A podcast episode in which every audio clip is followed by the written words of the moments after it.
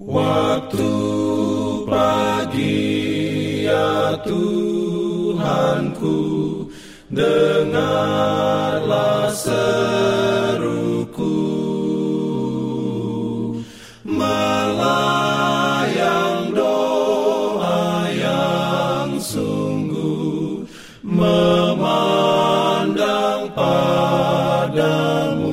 Selamat pagi pendengar Radio Advent Suara Pengharapan Mari mendengarkan suara Tuhan melalui tulisan pena inspirasi Agama yang bersinar.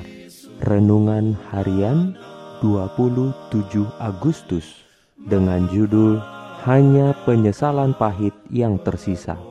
Ayat inti diambil dari Ratapan 5 ayat 15 dan 16 Firman Tuhan berbunyi Lenyaplah kegirangan hati kami tari-tarian kami berubah menjadi perkabungan. Mahkota telah jatuh dari kepala kami. Wahai kami, karena kami telah berbuat dosa.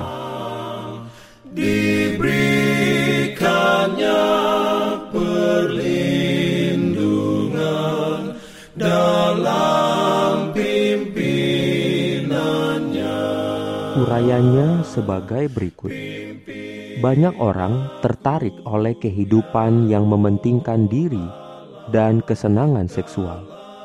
Mereka tidak dapat melihat bahaya yang tersembunyi atau ujung yang mengerikan dari jalan yang tampaknya bagi mereka adalah kebahagiaan.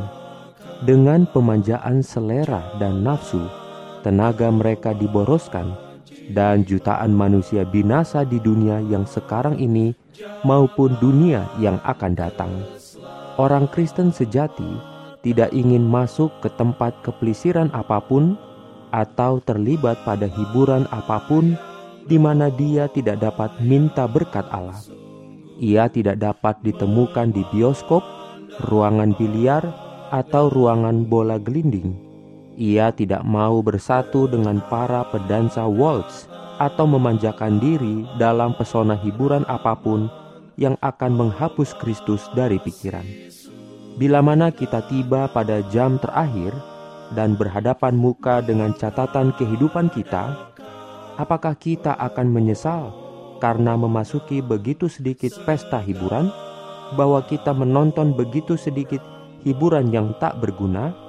Apakah kita tidak amat menyesal bahwa banyak waktu berharga terhambur pada pemuasan diri begitu banyak peluang diabaikan.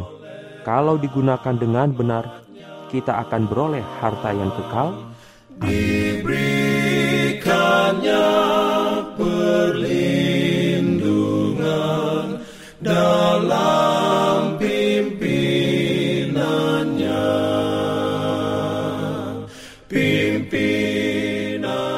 Jangan lupa untuk melanjutkan bacaan Alkitab sedunia percayalah kepada nabi-nabinya yang untuk hari ini melanjutkan dari buku Mazmur pasal 113. Selamat beraktivitas hari ini. Tuhan memberkati kita semua.